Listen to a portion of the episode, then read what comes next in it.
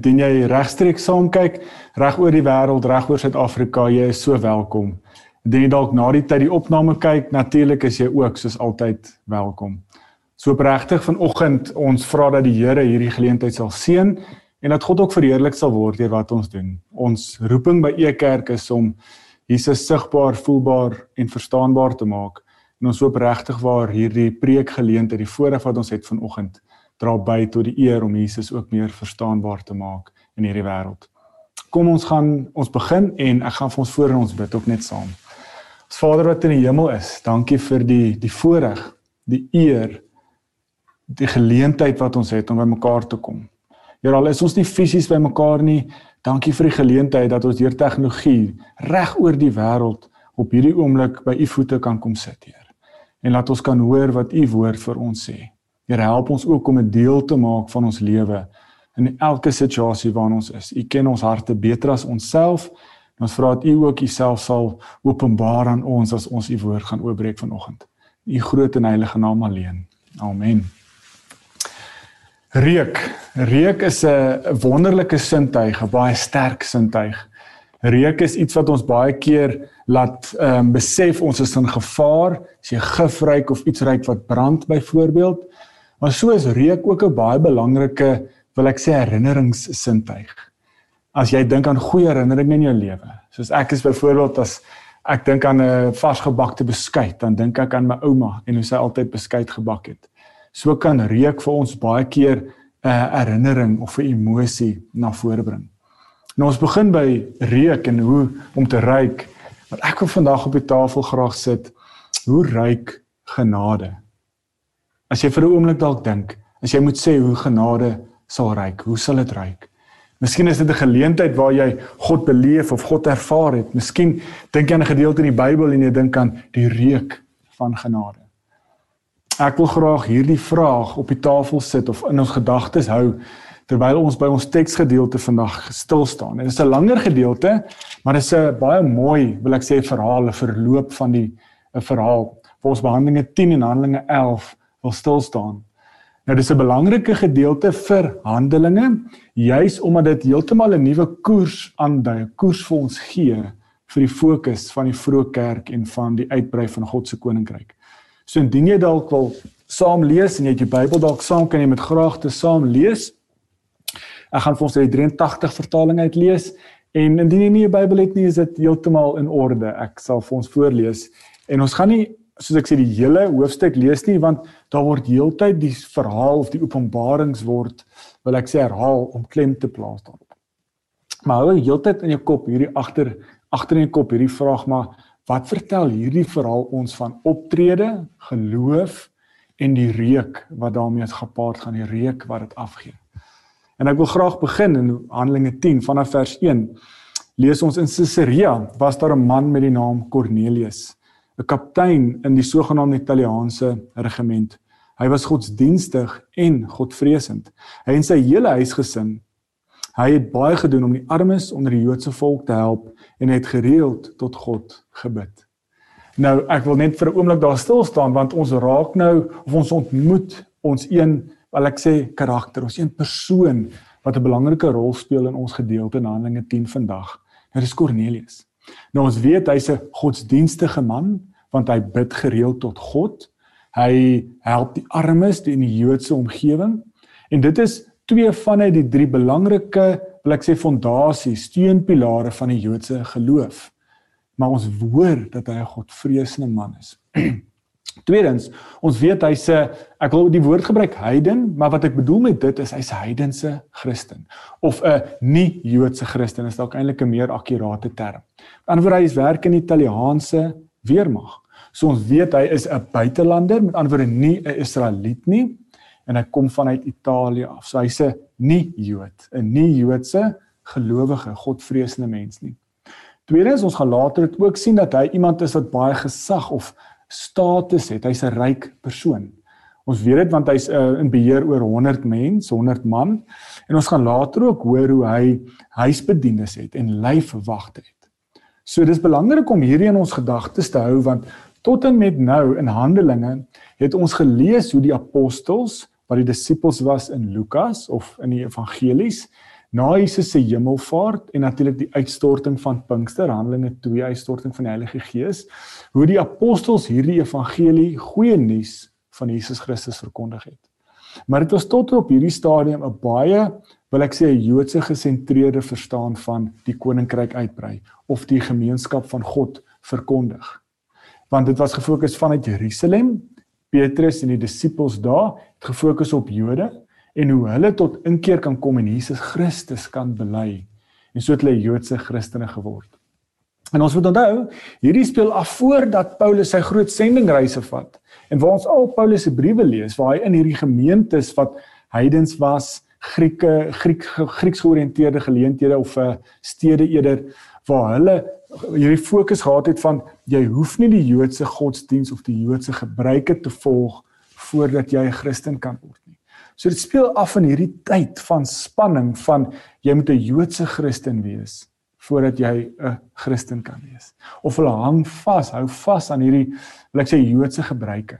En ek gaan nou 'n bietjie vooruit want ons gaan dit nou nog sien deur die verhaal, maar dit skets vir ons hierdie wil ek sê scenario van spanning, van afwagting van kom nou het ons hierdie belangrike persoon Kornelius. Hy's Godvreesend en hy's nie 'n Jood nie. So kom ons kyk wat gaan verder. Handelinge 10 vanaf vers 3.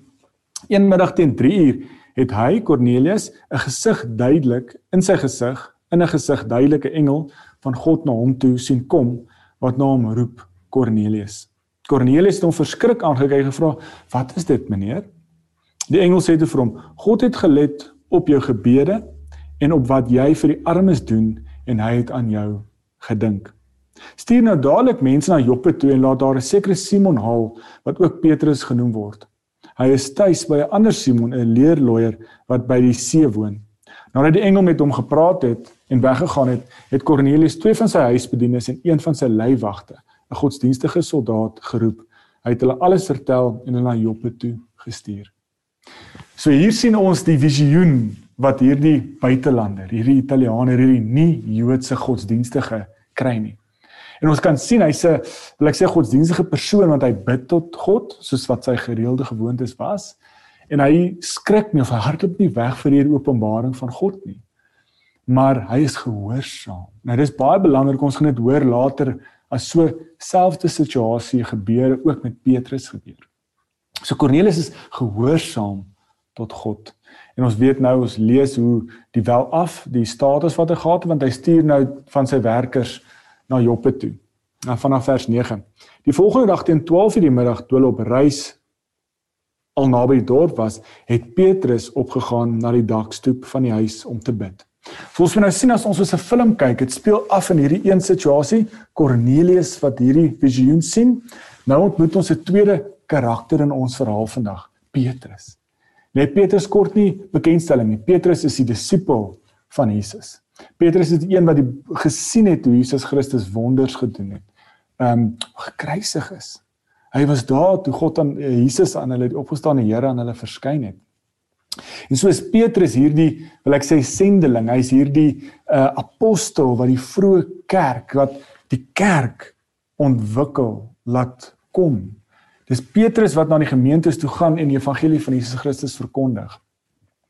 En so sien ons nou die kamera gaan weg en nou sien ons hier Petrus gaan op na die dak toe wanneer sy gebedstyd. Hy bid. Ehm um, vers 10.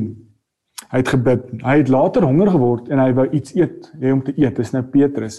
Terwyl die mense die ete klaar maak, het hy in geesvervoering geraak. Hy het die hemel oop gesien en iets soos 'n groot doek wat aan sy vier punte neergelaat word, sien afkom grond toe. Daarin was van al die viervoetige en die kruipende diere van die aarde en van al die wilde voëls. Hy hoor 'n stem wat vir hom sê: "Kom, Petrus, slag en eet." Maar Petrus sê: "Nooit nie, Here. Ek het nog nooit iets geëet wat onheilig of onrein is nie." Hy hoor die stem toe weer, 'n tweede keer vir hom sê: "Wat God rein verklaar het, mag jy nie onrein ag nie." Dit het 3 keer gebeur en daarna is die doek weer in die hemel opgetrek.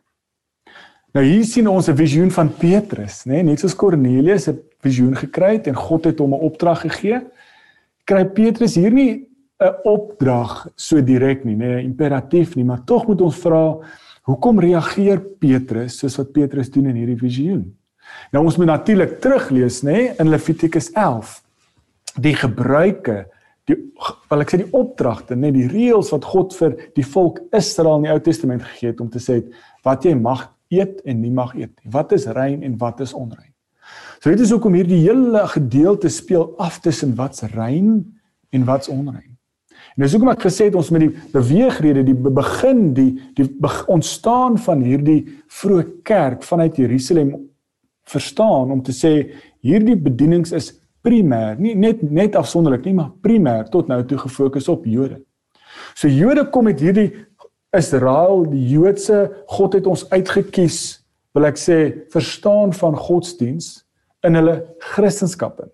In hulle geloof en natuurlik was Christendom nou nog nie 'n woord of 'n konsep vir hulle nie, nê? Maar die Jode kom vanuit hierdie verstaan van God het ons uitgekies. Ons is die uitverkore volk van God. En ons moet besny word want dit is 'n teken, 'n simbool dat ons deel is van God se volk. Ons moet hierdie wette onderhou wat God vir ons gegee het want dit maak dit ons rein en onrein is. Moet die wet onderhou. Maar hulle word Jesus Christus verkondig en hulle glo en bely Jesus is die Here en hy het opgestaan uit die dood.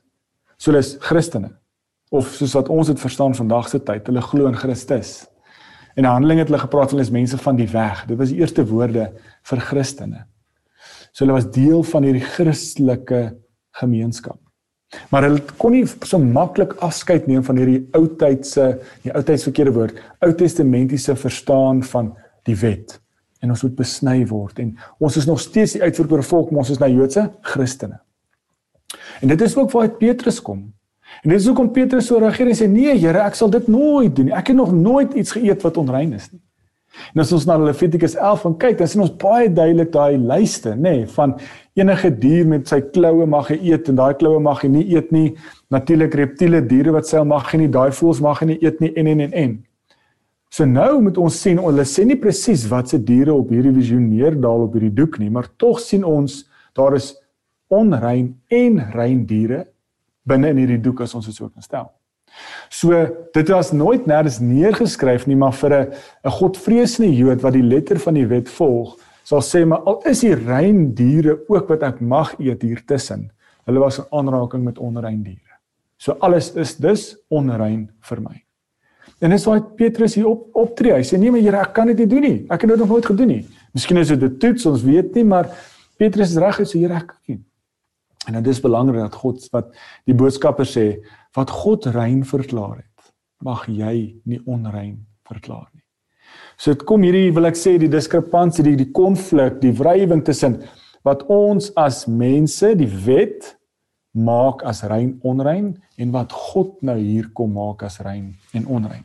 So ons sien al klaar die, die ek hoop julle kom agter waartoe hierdie verhaal beweeg. En in vers 15 was ons nou nog besig. Hy hoor toe die stem in hier, ons het dit al klaar gelees in vers uh, 15. So ons is nou by vers 17 van Handelinge 10.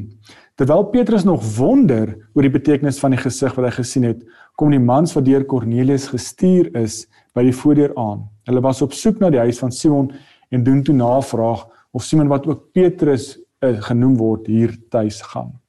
Terwyl Petrus nog nadink oor die gesig, sê die Gees vir hom: "Daar is 3 mans wat jou soek. Kom, gaan onder toe en moenie aarzel om saam met hulle te gaan nie, want ek het hulle gestuur." So hier kry Petrus wil ek sê nou die opdrag om te sê: "Hier's 3 mans. Ek het hulle gestuur." So ons hoor hierdie wil ek sê gehoorsaamheid van Petrus ook om God te volg in die onbekende. Want ek sal ek as ek daar was, sal ek dadelik sê my Here, wat wat soek hulle? Waartoe moet ons gaan? Wat wat moet ek voorberei? Maar as as jy 'n lewe leef soos Petrus wat gelei word deur die Gees, is dit gehoorsaamheid aan God en om vir God te vertrou. Vers 21. Petrus het ondertoe gegaan en vir die mans gesê: "Hier is ek. Dis ek wat julle soek. Waarom is julle hier?" Ons gaan nie vers 22 lees nie want dit is die herhaling wat die boodskapper van Kornelius sê vir Petrus wat ons al reeds gehoor het in die eerste paar verse van Handelinge 10. En so in vers 23 nooi Petrus hulle toe in en hy gee vir hulle huisvesting. Die volgende dag het hy en 'n paar van die gelowiges in Joppe saam met hulle gegaan en 'n dag later in Caesarea aangekom. Kornelius en hulle het hulle verwag en het sy familie en huisvriende reeds bymekaar geroep. So dis 'n samekoms van nie Joodse gelowiges en hulle wag vir Petrus. Toe Petrus daar kom vers 25 het Kornelius hom tegemoet gegaan en eerbiedig voor hom gekniel. Maar Petrus het hom laat opstaan en sê: "Staan op, ek is self maar net 'n mens." Terwyl Petrus met Kornelius praat, gaan hy die huis binne waar hy baie mense bymekaar gesien baie mense bymekaar kry. En Petrus sê toe vir hulle: "Julle weet dat 'n Jood nie met iemand van 'n ander volk mag omgaan of by hom in die huis mag kom nie. Maar God het vir my gewys dat ek geen mens as onheilig of onrein mag beskou nie. Daarom het ek sonder om te te stribbel gekom julle my laat haal het. Sê nou vir my waarom julle my laat haal het.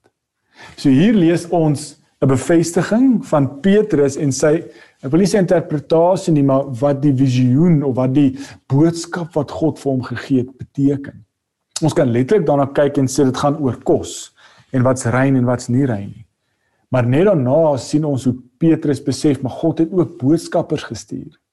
En met ander woorde terug toe Petrus die boodskappers van Kornelius in sy eie huis toegelaat het, het Petrus alreeds hierdie Joodse wet oortree om te sê hier is iemand van 'n ander kultuur wat by my tuis gaan. So Petrus het alreeds as ons praat van die letter van die wet, die Joodse wet oortree. En nou sê Petrus dit reguit vir hulle en gee vir ons daai bevestiging van om te sê as ek gehoorsaam was aan die wet, dan het ek nie nou by julle opgedaag nie. Ek sou ongehoorsaam gewees het aan God, want dit is God se opdrag, maar dit is nou hierdie wrywing wat ons het van wanneer is ons mensgemaakte tradisies en wette belangriker as wat God vir ons sê. En dit is wat hierdie so, wil ek sê, 'n sentrale punt maak vir die res van Handelinge. En so gaan Petrus en hy kuier saam met hulle. En Kornelius antwoord in vers 30 en hy Kornelius verduidelik vir Petrus en vir ons as lesers die derde keer was die visioen wat hy gehad het. En dit is wat ons al reeds van weet. Maar belangrik in vers 34 lees ons hoe Petrus dan nou opdaag soos God vir hom gesê het hy moet gaan en nou is Petrus gereed om die evangelie te verkondig. Toe het Petrus aan die woord gekom en gesê waarlik ek begryp nou eers dat God nie onderskeid maak maar in enige volk die mens aanneem wat hom vereer en doen wat reg is. Julle weet dat God aan Israel sy woord gestuur het, naamlik die evangelie van vrede wat Jesus Christus gebring het. Hierdie Jesus is Here van almal. Julle weet ook van die gebeurtenisse dwars deur die hele Joodse land. Dit in Galilea begin na die doop wat Johannes verkondig het. Julle weet van Jesus van Nasaret dat God hom met die Heilige Gees gesalf en met krag toegerus het. Hy het rondgegaan, oral goeie werke gedoen en almal gesond gemaak wat in die mag van die duiwel was, want God was by hom. En ons is getuies van alles wat hy in die Joodse land en in Jerusalem gedoen het. Hulle het hom doodgemaak deur hom aan die kruis te hang. Maar God het hom op die derde dag uit die dood opgewek en hom laat verskyn. Nie aan die hele volk nie, maar net aan ons vir wie God reeds gekies het om getuies daarvan te wees. Ons wat na sy opstanding uit die dood saam met hom geëet en gedrink het. Hy het ons opdrag gegee om aan die volk te verkondig en te bevestig dat dit hy is wat deur God aangestel is as regter oor lewendes en dooies. Van hom getuig al die profete dat elkeen wat in hom glo vergifnis van sondes deur sy naam ontvang. Terwyl Petrus nog praat, het die Heilige Gees op almal gekom wat na die woord geluister het. Toe die Joodse gelowiges wat saam met Petrus gekom het vanuit is um Joppe, hoor hoe die mense ongewone taal of klanke gebruik en God prys, was hulle baie verbaas dat die Heilige Gees as gawe uitgestort is op mense wat nie Jode is nie. En Petrus sê: "Hierdie mense het net soos ons die Heilige Gees ontvang. Wat kan dan verhinder dat hulle nou met water gedoop word?" Toe het hy beveel dat hulle in die naam van Jesus Christus gedoop moet word. Daarna het hulle hom gevra om 'n paar dae by hulle te bly. 'n Lang gedeelte, maar tog kom ons hopelik agter wat is die die verloop, wat is die spanning, wat maak hierdie gedeelte so spesiaal, so uniek. Want nou lees ons dat Petrus is gehoorsaam en dit gaan teen sy hele die letter van die wet, sy Ou Testamentiese verstaan van sy godsdiens, as ek dit so kan stel. Die gebruike van om 'n Jood te wees. Maar hy's gehoorsaam aan God. Kornelius laat Petrus geroep word, maar hy vertrou God en hy weet nie, hy weet nie wat gebeur nie. En dan hier kry ons hierdie wil ek sê die konflik, die ontknoping, die hoogtepunt dat Petrus sê ek mag nie eintlik met julle meng nie. Want ons is Jode. Ek mag nie meng met iemand van 'n ander kultuur nie. Maar wat God heilig verklaar het, mag ek nie as onheilig verklaar nie. En ons kan verder teruggaan. Ons sien hier die die wil ek sê die kern nê, die die essensie van die evangelie van Jesus Christus. Dit is hoe die vroeë kerk ontstaan het om Christus as ons opgestane Here te verkondig. En ons sien hier hoe Petrus begin het in sy prediking om te sê het hy het in Jerusalem verskyn het in 'n Joodse omgewing begin het in in die Joodse samelewing ontstaan en al hierdie wonderwerke was in Jerusalem en rondom Jerusalem. So dit was ek wil sê Joodsentristies, ehm um, of gesentreerd rondom die Joodse verstaan van godsdienst. Maar nou moet ons verder teruggaan hè. Wat was Jesus se laaste opdrag? En kom ons wees gehoorsaam ons doen Lukas want Lukas is die skrywer van Lukas en Handelinge was Lukas se Jesus se laaste opdrag aan die disippels: "Gaan na al die nasies toe en verkondig die evangelie van Here Jesus Christus en doop in die naam van Here Jesus." So ons sien hier dat Jesus daai opdrag gegee het om sê: "Gaan na al die nasies toe." En miskien was dit tot nou toe in Handelinge hierdie sterk gefokus op die die land wat soos hulle glo, die mense wat soos hulle lyk, die die Jode. Maar hier sien ons en ek wil praat van Pinkster 2.0. Ek weet ons skiet nou 'n bietjie vooruit want ons is nog nie in Pinkster nie. Maar ons lees baie keer Handelinge 2 waar die Heilige Gees neergestort het op die Joodse samelewing, die Joodse gemeente, die apostels en die die mense wat van die begin af Jesus gevolg het en van die sy opstanding af Jesus gevolg het. Maar dit was waar die gemeente in Jerusalem ontstaan het. Hier sien ons Kornelius, 'n buitelander, Italianer, 'n welaf, 'n sosiale welaf persoon. Hier is ons iemand waar hy sy vriende en familie kom, so hy's 'n buitelander. Hy's 'n nie Jood. En God besluit of God laat sy gees ook neerdal op hierdie nie Jode, op hierdie buitelanders. En dit is dan die begin van hele ek voel persoonlik Piet Paulus se hele bediening. Want later in Handelinge lees ons hoe Paulus sê hy wil nie meer saam met die Jode werk nie of in die Joodse gemeenskappe werk nie. Dis juist dan wanneer hy na Korinte toe gaan, na die Jood, na die Griekse wêreld toe gaan, waar dit na al die nasies versprei word. Nou ek wil die laaste gedeelte lees vanaf vers 11, al hoofstuk 11. Moet ons nou verstaan hoe Petrus opgetree het en hoe hy gehoorsaam was en hoe Kornelius opgetree het. Maar nou lees ons in hoofstuk 11 hoe die gemeente in Jerusalem, die Joodse Christene, die eerste gemeente, die moedergemeente, hoe hulle optree. Die apostels en die ander gelowiges in Judea het gehoor dat mense wat nie Jode is nie, ook die woord van God aangeneem het. Toe Petrus dan in Jerusalem kom, het die Joodse gelowiges hom verwyd of gekritiseer. Gesê jy het mense besoek wat nie besny is nie en het selfs saam met hulle geëet. En toe verduidelik Petrus of hy gee verslag as ons dit nou so kan stel En einde van uh, vers 18 lees ons hoe die gemeente besef, okay nee, maar hierdie was van God. Maar ek wil stil staan by die reaksie van die gemeente want ons kan net maklik oor dit lees, verby dit lees. Maar ons lees iets half van die optrede, ek wil nie sê die verwyd nie, maar tog die geskokte reaksie van die gemeente. Hulle so Petrus, ons het so 'n goeie naam onder die Joodse samelewing wat ons Joodse Christene is. Ons is nou so bekommerd oor ons naam want nou breek jy daai reël en jy gaan eet saam met ander mense, nie Jode. Hoekom doen jy dit? Is hulle kritiseer hom en sê maar jy volg die letter van die wet nie. En dan verduidelik Petrus dat God se wet, God se openbaring proef wat hulle as gemeente sê rein en onrein is. Want wat God rein en onrein verklaar, mag ons nie rein en onrein verklaar nie. Nou dis belangrik want nou wil ek terugkom by die vraag wat ons aan die begin gevra het. Dit mag dalk abstrakt wees, maar ek sien dadelik hier twee invalshoeke, twee maniere van hoe hierdie gelowiges, apostels, hulle geloof leef. En ek wil dit koppel met ons vraag van ek ek ryk amper half twee verskillende reuke as gevolg van hoe Petrus opgetree het en as gevolg van hoe die gemeente in Jerusalem teenoor Petrus opgetree het. En ek sien dadelik of ek sien in my oë hier iets van hierdie gemeente in Jerusalem. Hulle is half soos hulle spyt ehm um, hulle spyt gif. Dis jy insek in jou huis sien, dis dalk met miskien net ek, ek praat dalk nou uit hier. Maar as ek enige gogga, enige insek in ons huis sien, is geen hoeveelheid van gif genoeg nie.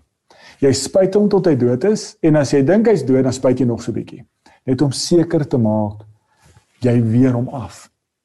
En dan spuit jy som of jy gooi sommer afweermiddels, nee gif om die insekte of die goggas of wat ook al jy wil weghou, weg te hou. Nou gif, jy ruik gif want jy moet weet hierdie is giftig. Moet dit nie drink nie, moet dit nie eet nie. So dit is 'n skerp afweermiddel. En hierdie gemeente het half ietsie vir my van daai van Petrus, hoe kon jy saam met nie besnydes ge geëet het nie? Jy gooi ons goeie naam in slepe deur die modder. So hulle spuit hierdie gif, hierdie afweermiddel om te sê, maar ons is heilig, ons is belangrik en dit is dalk mensgemaakte titels, mensgemaakte belangrikheid, ons is besny, ons volg die wette, ons is rein. So as jy nie binne in hierdie grens van ons val van rein, besny, dan is jy nie deel van ons nie. Dis julle, hulle en ons. So hulle tree op met hierdie kry so frank smaak, hierdie afweermiddel van dis hulle en ons. Ons is beter en ons moet hierdie gif om ons spuit, afweermiddels om ons sit om seker te maak ons bly rein. Ons bly reg. Ons bly suiwer as ek dit ook so kan stel. Maar dit is als te maak met mensgemaakte verstaan van wat rein en onrein. Mensgemaakte verstaan van wat reg en verkeerd is. Maar nou aan die ander kant lees ek iets hier van Paulus en ek sien half hoe hy met genade optree. Baie geloof. Want as hy vanuit hierdie samelewing optree en moes hy ook soos die gemeente dalk gedink het, "Oef, maar ek mag nie saam met hierdie mense eet nie. Mag nie saam met hulle kuier nie." Mamma wat God vir my gegee het, wat die opdrag wat God op my hart plaas, is belangriker as wat ons as mense uitdink. En Petrus tree op met genade en vir my is dit daai reuk van 'n goeie aangename goeie parfuum wat gespuit word. Nou parfuum is ook 'n belaaide term want te veel is ook te erg. As jy in 'n winkelsentrum instap en jy kry mos daai winkels, dan sit sulke rye parfume aan die begin dan stap jy daar deur in jou hoë koors vir 'n week. Te veel parfuum kan ook 'n hele kamer oordonder. Jy kry daai mense wat te veel parfuum gebruik en as hulle by die werk uit die kar uitstap in die parkeerarea en ry jy al hulle is hier. Want dit is te veel, dit is oordonderend. Maar goeie parfuum een spuit is genoeg om 'n hele vertrek te vul op 'n nuwe donderende manier. Een spuit parfuum is goed genoeg om jou die hele dag lank die reuk, die geur van die parfuum te laat afgee. En dis wat vir my mooi is in hierdie beeld. Een spuit, jy moet naby die persoon kom, naby genoeg om te te ruik hierdie persoon dra parfuum. So dis 'n lewe van naby, dis lewe van die lewe saam doen. En as Petrus afstand gehou het, sal hierdie mense nie die aangename geur van God se genade geruik het nie want Petrus het gesê dis julle en dis ons en ek moenie naby julle wees nie. En dit is wat Petrus ons hier leer en dit is as ek moet as ek gevra word wat is die reuk van genade dan dink ek aan hierdie verhaal dan dink ek aan Petrus wat net gehoorsaam is aan God. En as ons terugkyk, ons hoef nie ver te gaan nie. Dis nie iets wat Petrus uit dink nie, Petrus uit dink nie. Jesus was gekruisig saam as gevolg van saam met wie hy geëet het, gekuier het. Jesus was gekenmerk as die ouens om die dronkaards en lafaards en die tollenaars en die sondaars uithang. Jesus was gekruisig omdat hy die aangename geur van God aan mense afgegee het. En al wat hy kon doen was deur saam met hulle te eet. Of wat hy al maniere hoe hy kon doen was om saam met hulle die lewe te doen. As Jesus opgetree het as 'n gifstof of afweermiddel, het hy nooit saam met mense geëet nie het hy nooit die die goeie nuus van die evangelie van God, die koninkryk om verkondig nie. Het hy nooit mense kwaad gemaak nie. Mag ons in hierdie tyd en dis wat Petrus ons leer, Petrus, ek het nou gesê Paulus, 2 Korintiërs 2 vers 14 tot 16. Help Petrus Paulus ons, sorry. Jy's hiermee. En Paulus wil ek sê volg sy bediening op hierdie wat Petrus hier doen. En Paulus in 2 Korintiërs 2 waar hy sê wees aangename geur vir die wêreld. Die aangename geur is Christus. En hoe kan jy die aangename geur van Christus wees vir die wêreld? En dis wat Petrus in hierdie verhaal doen. Hy's 'n aangename geur. Ja, hulle ryk nie Petrus nie, maar hy daag op en hy wil mense, hulle ryk Christus. En hulle sê maar, dis aangenaam Peer, wat is dit? Wie is hierdie? Of is ons 'n afweermiddel? En mense stap uit en sê, "Hm, dit is 'n ek ryk gifstowwe, ek ryk afweermiddels." Miskien is dit wat die Here ons vandag vra om in hierdie tyd wat ons opbou na Pinkster toe om vir onsself te vra, wat's die reuk wat jy afgee as jy oor jou geloof dink. Jou geloof, wat 'n geur, reuk gee dit af.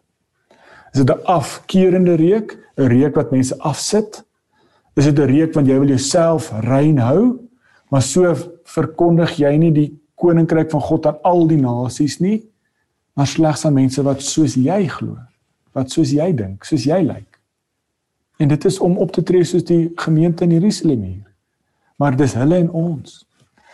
Maar mag ons deur die genade van God, deur die krag van Christus besef niks wat ons raak kan ons vuil of onrein maak nie.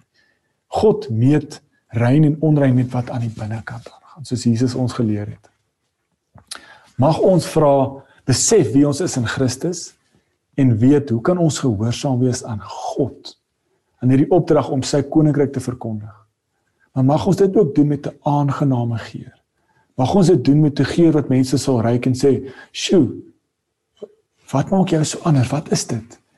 Dan kan jy sê, "Maar dis Christus. Dis die opgestane Here." En dit is as gevolg van ja, omdat ek is wie ek is, is as gevolg van wie Christus is.